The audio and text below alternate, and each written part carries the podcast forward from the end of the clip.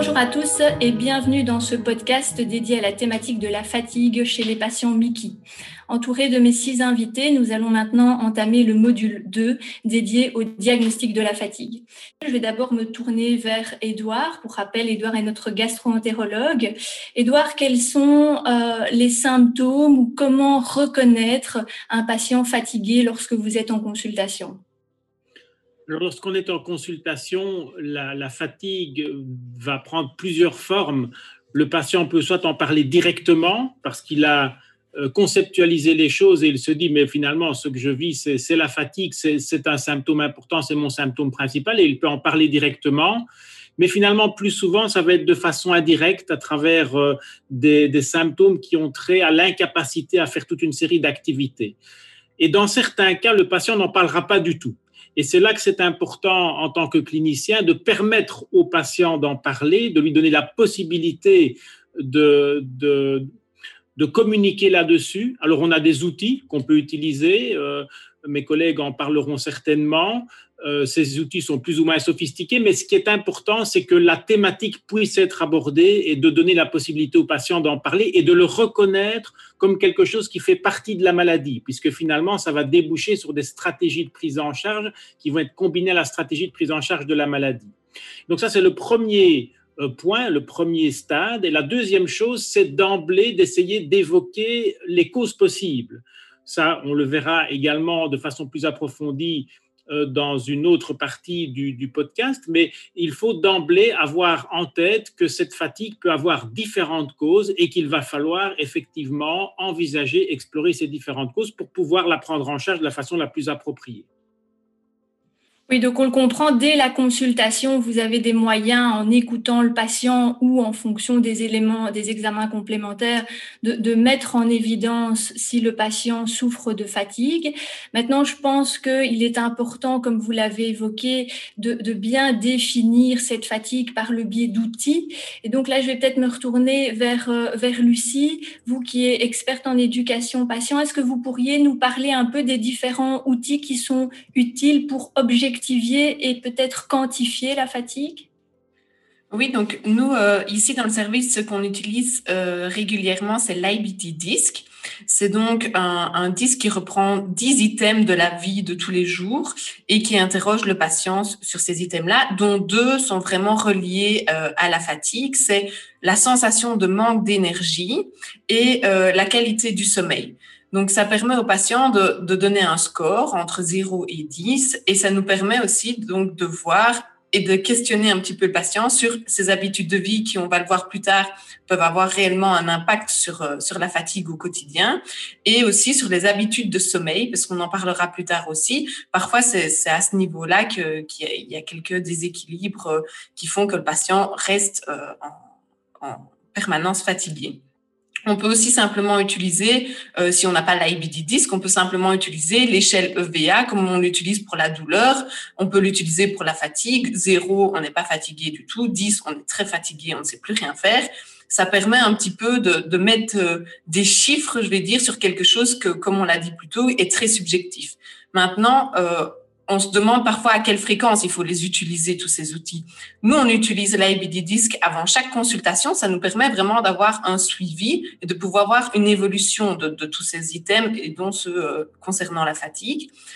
Euh, au quotidien, cette application, euh, l'IBD Disc, pardon, il existe en application. Et moi, je dis toujours aux patients que ça peut être une solution pour tenir une espèce de petit journal de bord de, de la maladie, que ce soit sur la fatigue ou sur les autres items. Ça permet parfois aux patients de se rendre compte de l'évolution s'il le remplit tous les 15 jours, par exemple, parce que si les patients vont bien, ils sont en rémission, ils vont peut-être venir chez le gastro-entérologue tous les 4 à 6 mois. Ils vont par contre ressentir cette fatigue beaucoup plus régulièrement qu'une fois tous les 4 à 6 mois. Et donc, quand on interroge en consultation le patient, ben, il va se souvenir soit des événements très marquants, mais il va pas réussir à vraiment faire un, un, un résumé, je veux dire, objectif de, de sa situation et de remplir l'IBD disc tous les 15 jours peut être une option pour, euh, pour garder un, un petit journal de bord et essayer de faire des liens entre certaines activités qui l'ont peut-être plus fatigué ou pas, et, savoir comment euh, ce symptôme peut évoluer aussi euh, dans le temps. Donc on l'entend, c'est intéressant de savoir que maintenant on a vraiment des outils qui permettent d'objectiver, de quantifier et de voir l'évolution comme, comme Lucie vient de le dire. Mais au final, l'une des questions que, que pourrait poser le patient, je pense, c'est de se dire en quoi est-ce que le diagnostic de ma fatigue va influencer en fait ma prise en charge? Et donc là, j'aimerais bien me tourner vers Catherine. Pour rappel, Catherine est, psychiatre. Donc je vous pose la question en quoi est-ce que pouvoir diagnostiquer la fatigue d'un patient va pouvoir l'aider dans sa prise en charge? Mais comme il a été dit précédemment, la fatigue ne se voit pas. Et donc, effectivement, euh, c'est très culpabilisant pour un patient de se sentir euh, fatigué puisque les autres ne le voient pas et lui, euh, il le sent à l'intérieur de lui de façon tout à fait individuelle, bien sûr, mais il est parfois pas capable de travailler, pas capable de sortir.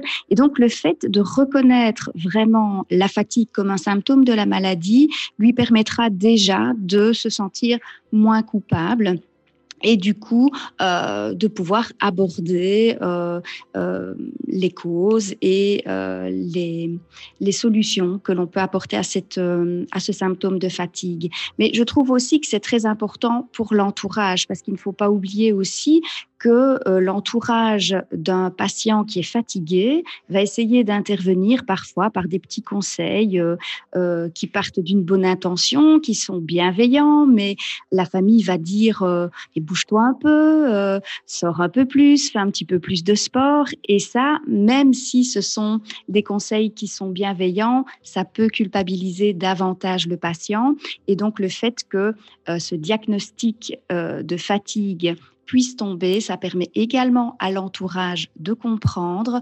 Donc, tout le monde voit un petit peu mieux quelle est la situation et on peut prendre en charge beaucoup plus facilement parce qu'il y a déjà une acceptation aussi de ce symptôme comme faisant partie de la maladie. Merci. Quand, justement vous parlez de, prise en charge, euh, je pense que cet aspect de culpabilisation que peuvent ressentir les patients et d'incompréhension par rapport à leur entourage, c'est peut-être quelque chose sur lequel il y a, moyen d'agir. Là, je me tourne vers, euh, vers Laurent en tant qu'expert fatigue. Euh, je présume que ce sont des aspects que vous pouvez utiliser pour travailler avec le patient? Oui, effectivement, ce sont des aspects qui peuvent intervenir, mais ce sont souvent des aspects qui interviennent dans la phase d'intervention. Dans la phase de diagnostic, là, je rejoins mes, collègues. Hein, donc, ce qui est vraiment important, c'est de scorer, d'objectiver, de mettre un visage. Et donc, nous, on utilise un certain nombre d'outils qui vont en effet permettre derrière une intervention par rapport aux patients, mais aussi par rapport aux, proches. Pour revenir un tout petit peu sur ces outils, euh, donc évidemment, il y a la Abilidis qui est un outil exceptionnel, hein, ce qui permet de, de mesurer l'impact de la maladie sur la qualité de vie. Donc ça, c'est un outil formidable pour le patient mais aussi pour le, prestataire de soins, je dis toujours. Et un deuxième outil qu'on emploie beaucoup, c'est le baromètre de la fatigue. Le baromètre de la fatigue, c'est en fait un, questionnaire hein, qui repose sur une trentaine de questions et qui permet au patient, au terme du questionnaire, d'évaluer en quelque sorte son seuil de fatigue. Alors ben, parfois on va se retrouver au niveau zéro, hein, bon, ça c'est le pays des bisounours, aucune fatigue. Alors une fatigue légère, une fatigue importante, une fatigue très importante, voire une fatigue sévère. Donc moi j'utilise les feux, donc feu vert, feu orange, feu rouge ou feu noir. Et donc ça c'est très important de nouveau parce que ça va permettre de faire une photo, ça va permettre d'objectiver, de scorer. Pour le patient, c'est un élément tout à fait essentiel. Et on va coupler ça après derrière avec ce qu'on appelle le tableau des signes de fatigue, c'est-à-dire qu'on va associer des signes de fatigue aux différents seuils. Donc, par exemple, je suis orange, eh bien, je vais le, le le, le feu orange, on va avoir toute une série de signes. Par exemple, ben, j'ai des courbatures, euh, j'ai mal au dos. Quand on arrive dans le rouge, perte de concentration ou difficulté d'expression, etc. Et donc ça c'est vraiment capital parce que le patient euh, parvient à voir, si vous voulez, les, indicateurs de sa fatigue, parvient à discerner en quelque sorte les symptômes. Et puis alors il y a un outil essentiel également qui est le planning ou le semédi, on l'appelle comme on veut. Alors ça, ressemble à un outil extrêmement simple et c'est un outil extrêmement important aussi. Pourquoi? Ben, Tout simplement parce que le le patient va avoir la possibilité, en quelque sorte, de faire la photo de sa vie sur une semaine, 15 jours, 3 semaines, etc. Et donc, il va recenser à 2, 3, 4 moments de la journée son seuil de fatigue. Il va recenser également toutes les activités qu'il réalise, mais également son état émotionnel. Et donc, en fait, il est en train de décrire sa vie. Et donc, au terme de ce travail, qu'est-ce qu'on va faire? Ben, On va mettre en évidence tout ce qui fonctionne bien. Alors ça, c'est merveilleux. Donc, il faut continuer vraiment ce qui fonctionne bien. Et puis, on va mettre en évidence aussi tout ce qui ne fonctionne pas, tous les déséquilibres. Et là, c'est la porte d'entrée, comme on vient de, de le dire, à toute une intervention. On peut travailler sur la délégation d'activités, on peut travailler sur le fait de fractionner des activités, euh, d'alterner des activités, on va travailler peut-être sur l'alimentation, sur, sur le sommeil, sur la reprise d'une activité sportive, sur des activités plaisir. Mais c'est ça qui est formidable, c'est qu'on parvient enfin à scorer, objectiver son état de fatigue. Merci beaucoup. Et donc, pour clôturer cette discussion sur le diagnostic, je vais maintenant me, tourner vers euh, les patients qui, sont parmi nous. Euh, d'abord, Sylvie, vous aviez expliqué que, euh, en ce qui vous concerne, la fatigue, vous ne l'avez pas tout de suite perçue. En tout cas, il n'y a pas tout de suite un, un, mot qui a été mis dessus. vous, personnellement, comment a été diagnostiqué au final ou quels ont été les outils utiles pour mettre en évidence la fatigue que vous avez ressentie? En fait, euh, il faut savoir que été dans le déni de ma maladie jusqu'à il y a deux ans. C'est quand même très long. Euh, j'ai eu une résection il y a deux ans et depuis, ben, voilà, je commence seulement à, mettre les mots dessus euh, et, à réaliser réellement que cette maladie, elle est bien présente, elle est bien dans ma vie. Sinon, la fatigue, elle est venue ben, depuis mon traitement. En fait, j'ai seulement un traitement depuis le mois de décembre et et c'est là que je mets un point dessus parce que je la ressens énormément. Et avant, je, voilà, je, je, la niais, on va dire ça comme ça. Je, vivais dans le déni complet. Oui, c'est ça. Donc la détection est plutôt liée au fait que vous n'êtes plus dans le déni. Je ne suis plus dans le déni et la détection, ben, la fatigue était présente, je le savais, mais euh, je ne faisais pas le lien avec ma maladie. Euh, voilà, j'étais fatiguée. Bon, mais j'ai pas d'enfant, donc euh, je peux me permettre de faire des siestes euh, quand je veux. J'ai un entourage euh, très compréhensif de ce côté-là.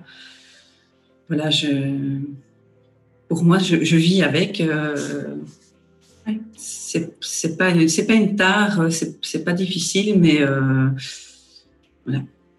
D'accord, merci. Vous, par contre, Juliette, euh, c'est différent de Sylvie dans la mesure où, vous, nous avez, euh, vous nous avez expliqué qu'en fait, cette fatigue était déjà présente avant votre diagnostic. Euh, donc, vous, probablement que la détection a été plus précoce. Donc, est-ce qu'il y a des outils qui ont été utilisés ou est-ce que ça a été discuté au cours de la consultation et comment est-ce que cette fatigue est suivie? Euh, écoutez, personnellement, euh, moi, ma fatigue, euh, je n'en ai pas encore parlé à mon gastroentérologue parce que je suis vraiment en plein, en pleine poussée. Donc, euh, comme il a été dit, c'est vrai que j'ai tendance à d'abord parler euh, de mes symptômes douloureux et d'autres symptômes plus, j'ai envie de dire, importants, alarmants. maintenant, moi, ma fatigue est venue vraiment avec les douleurs qui accompagnent ma maladie. Donc euh, voilà, il n'y a pas vraiment euh, d'outil euh, qui a été utilisé vu que voilà, c'est mon gastro-entérologue, j'en ai pas encore parlé avec lui à ce niveau-là. D'accord, merci pour votre témoignage. Donc ceci est le deuxième module de notre podcast dédié au diagnostic de la fatigue. Et donc pour résumer, eh bien d'une part, le diagnostic de la fatigue se fait sur base des symptômes qui sont discutés avec euh, le gastro-entérologue référent. Mais outre ces symptômes, on l'a entendu, il y a toute une série d'outils qui peuvent être utilisés. D'une part pour le diagnostic de la fatigue, mais également pour la quantifier et l'objectiver, ce qui permettra euh, d'une part une déculpabilisation du patient qui voit objectivement qu'il y a effectivement une fatigue, aussi pour une meilleure compréhension euh, de l'entourage dans certains cas. Et enfin, ces outils pourront être utilisés, nous le verrons pour la suite, euh, pour ce qui est des euh, traitements. Ceci clôture donc le module 2. Merci.